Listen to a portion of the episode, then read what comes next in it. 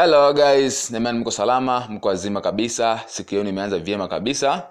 Katika siku ya leo nataka nishie na wewe kitu kimoja muhimu sana ambacho nimekiona kwenye matangazo mengi sana ya watu mbalimbali mbali, mtandaoni na nje ya mtandao ambacho kimekuwa kikiwagharimu mauzo mengi sana bila wao kukijua.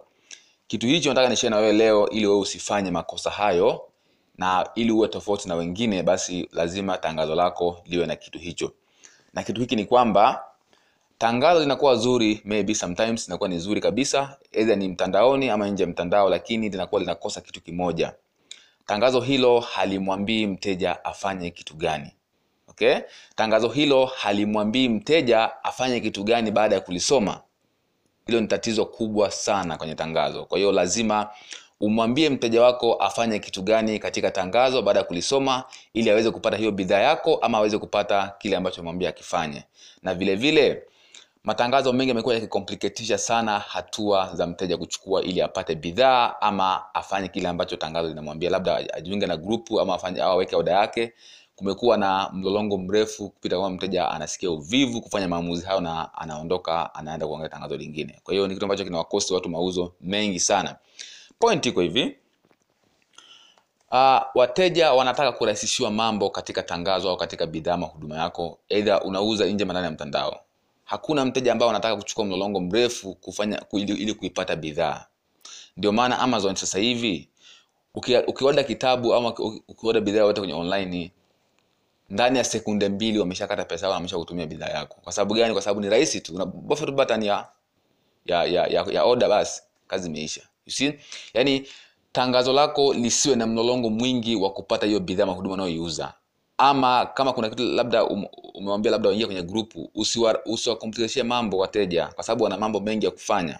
Mm, matangazo ni mengi. Kwa nini mteja um- umkalisha muda mrefu kwenye tangazo lako? Kwa hiyo unatakiwa usimplify tangazo lako ama ulirahisishe kiasi kwamba mteja hataona kazi ama ha- hatapata kazi yoyote kuchukua hatua na kuchukua maamuzi ili kupata bidhaa ama huduma yako. Iko hivi.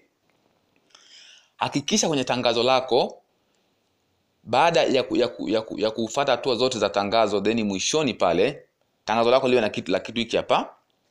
Liwe na vitu viwili kwanza tangazo lako ili li- matokeo mazuri ambayo yatakupelekea wewe kuweza kupata wateja wengi na kuuza bidhaa ama huduma yako kirahisi zaidi. Iko hivi.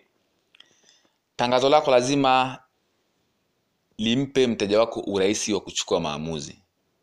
Yaani liwe na urahisi wa mteja wako kuchukua hatua ili aweze kupata hiyo bidhaa unaoiuza ama huduma ama iwe rahisi kwa mteja kufanya kile ambacho tangazo lako linataka yeye afanye yaani kusiwe na, na, na, na step ndefu au kusiwe na process ndefu ambayo itamchosha au ita, itamtia uvivu yeye kuchukua hatua. Hiyo kitu cha kwanza. Kitu cha pili lazima u- umwambie nini cha kufanya. Na tunasema ask for the action.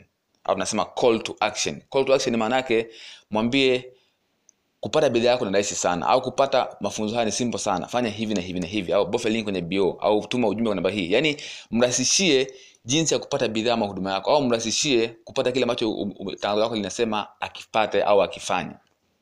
Kama umeoda mafunzo bure whatsapp basi mwambie kupata mafunzo haya ni rahisi sana. Bofya link juu ya bio hapo ama tuma ujumbe kwa namba hii hapa. Simple tu as that. Kwa hiyo unaweza ukatumia njia mbili. Aidha atume ujumbe moja kwa moja kwenye whatsapp yako ama abofye link kwenye bio ili aweze kupata mafunzo hayo. Kama unauza bidhaa moja kwa moja kwenye mtandao labda ni nguo au kitu chochote kimwambie kupata kupata bidhaa hii ni rahisi sana. Fanya hivi hii tunasema ask for for action au tunasema call to action.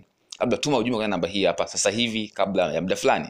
You see? Yani unamrahisishia jinsi ya kuipata hiyo bidhaa lakini sio mlolongo mrefu ama usiandike kabisa. Kuna matangazo mengine tangazo limeandikwa vizuri kabisa mwanzo mpaka mwisho uh, mtu akafata step nzuri tangazo linavutia vizuri lakini mwishoni hajasema mteja afanye kitu gani. Kwa mteja anasema anasoma anasema like ah okay sawa tangazo nzuri nimeshaipenda bidhaa sasa nifanye kitu gani? Anakosa kufanya. You see? Kwa hiyo mteja anaiko sio ma ameikosa bidhaa ama haitaki bidhaa hapana ila tu kujamwambia afanye kitu gani.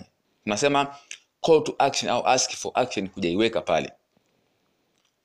Na unakuta tangazo lingine uh, mtu kaandika tangazo zuri tu lakini sasa stage za kuipata bidhaa ama huduma ni ngumu. Mteja anasema ah hii inachukua muda inapoteza muda sana. You see? Kwa hiyo anaacha kununua bidhaa. Kwa hiyo tumekuwa tukikosa uh, kuuza bidhaa kwa sababu tu uh, jinsi ya kuipata bidhaa zetu ni, ni stage ndefu au ni hatua kubwa. Mteja anakata ana, ana, ana, ana, ana tamaa kwa sababu anapoteza muda anaacha ana, anaondoka. Kwa hiyo basi ili tangazo lako likuletea matokeo mazuri hakikisha kuna vitu viwili. Kama nilivyokuambia mwanzoni kitu cha kwanza lazima liwe ni rahisi mteja kuchukua hatua unasema make it easy to act. Iwe rahisi mteja kuchukua hatua ili aweze kuipata hiyo bidhaa ama huduma yako. Aidha kwa, kutuma message tu ama kwa kupiga simu ama kuingia kwenye website yako kama, kama una website ama kuingia kwenye whatsapp group yako yani iwe ni simple as that. Ama ama una tu button pale ya whatsapp anabonyeza kwenye group moja kwa moja. Kwa hiyo ni kitu ambacho haki, haki wanasema it's a no brainer yani kitu ambacho hakiumizi kichwa kwa mteja ku, kukipata. Kwa hiyo matangazo mengi mazuri huwa yanarahisisha sana jinsi ya kuipata bidhaa inayotangazwa. Ndio maana unakuta mtu anauza bidhaa nyingi kwa sababu jinsi ya kuchukua hatua jinsi ya kuchukua maamuzi ni rahisi kwa mteja kwa sababu haina stage ndefu au haina step ndefu mteja kuchoka ili kufanya hicho kitu ambacho mwambia akifanye. Okay? Kwa hiyo basi hakikisha umeweka process fupi za jinsi mteja kuipata bidhaa au mafunzo yako ama chochote kile aidha mtandaoni ama nje ya mtandao. You see? Kitu kingine wanasema lazima umwambie mteja nini cha kufanya wanasema ask for action au tunasema call to action. Matangazo mengi ni mazuri lakini hayamwambii mteja afanye kitu gani. Mtu ameandika tangazo zuri lakini limebaki hivyo hivyo. Sasa mteja amependa bidhaa sawa lakini sasa anasema anakosa afanye kitu gani ili apate hiyo bidhaa? Tangazo halijasema afanye kitu gani. Mwambie kupata bidhaa yako ni rahisi sana piga namba hii sasa hivi. Kupata bidhaa yako ni rahisi sana uh, tuma ujumbe kwenda namba hii hii hapa. Kujiunga na mafunzo haya rahisi sana bofya link kwenye bio yangu you see? Au tuma ujumbe kwa whatsapp namba hii hapa kwenye group. Kwa hiyo ni kitu ambacho kinakuwa ni simple ili mteja aki, akiona anajua okay basi kupata mafunzo yangu nifanye hivi natuma message. Anatuma message anapata anapata bidhaa yake. Anabofya link anaingia kwenye group moja kwa moja. Akibofya anaingia kwenye website. Kwa hiyo ni kitu ambacho kinampa urahisi wa mteja kuchukua hatua. Wanasema call to action. Call to action maana yake ni kumwambia mteja afanye kitu gani sasa. Matangazo mengi yanakuwa yako open hayana call to action. Kwa hiyo nimeambiwa kuambia hichi kitu. Na ni muhimu sana tangazo lako hata likiwa zuri kiasi gani kama halina call to action which means kwamba bidhaa umejiuzia mwenyewe. Kwa sababu hujamwambia mteja wako afanye kitu gani sasa. You see? Ni sawa tu. Unajua kuna tofauti kati ya kati ya kulionyesha tangazo na kuandika tangazo la kuletea matokeo. Vitu tofauti. Sasa watu wengi unakuta mtu anaonyesha tangazo kwa mteja lakini ile tangazo haliulizi hali, hali, hali mato, ma, ma, ma, matokeo kwa mteja. Tangazo nitakuwa likuuzie bidhaa. Ndio maana tunasema tangazo lako ni mtu wako wa mauzo lengo la tangazo sio lionekane limependeza. Lengo la tangazo lako limfanye mteja achukue hatua. Basi kwenye tangazo hakuna mbwembwe. Kwenye tangazo tangazo lako lazima liwe linamfanya mteja achukue hatua. Basi na vilevile liwe linauza bidhaa ama huduma yako.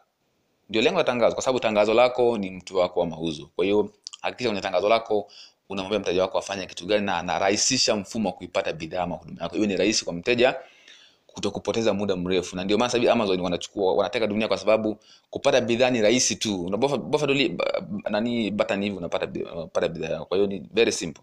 You see kwa hiyo rahisisha jinsi ya kupata bidhaa yako kwa wateja wako katika tangazo lako. Haijalishi ni kipeperushi nje ya mtandao labda unavigawa una, una kwa watu hivi umeandika tangazo lako ama ni mtandaoni umeandika tangazo lako kwa vizuri kabisa unauza bidhaa yako haijalishi ni wapi ila rahisisha jinsi ya kuipata bidhaa yako. Rahisisha hatua au mfumo wa kuipata bidhaa ama huduma yako ili mteja asione kazi kuchukua maamuzi. Na vile vile mwambie afanye kitu gani ili aweze kupata bidhaa yako. Tangazo lako lisiwe wazi lisiwe open.